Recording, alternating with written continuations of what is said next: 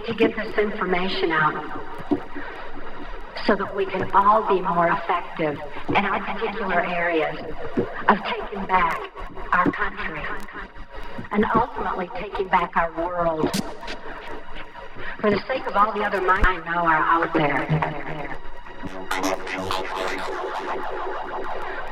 It is truth that sets us free. Please help us spread the word. Thank you.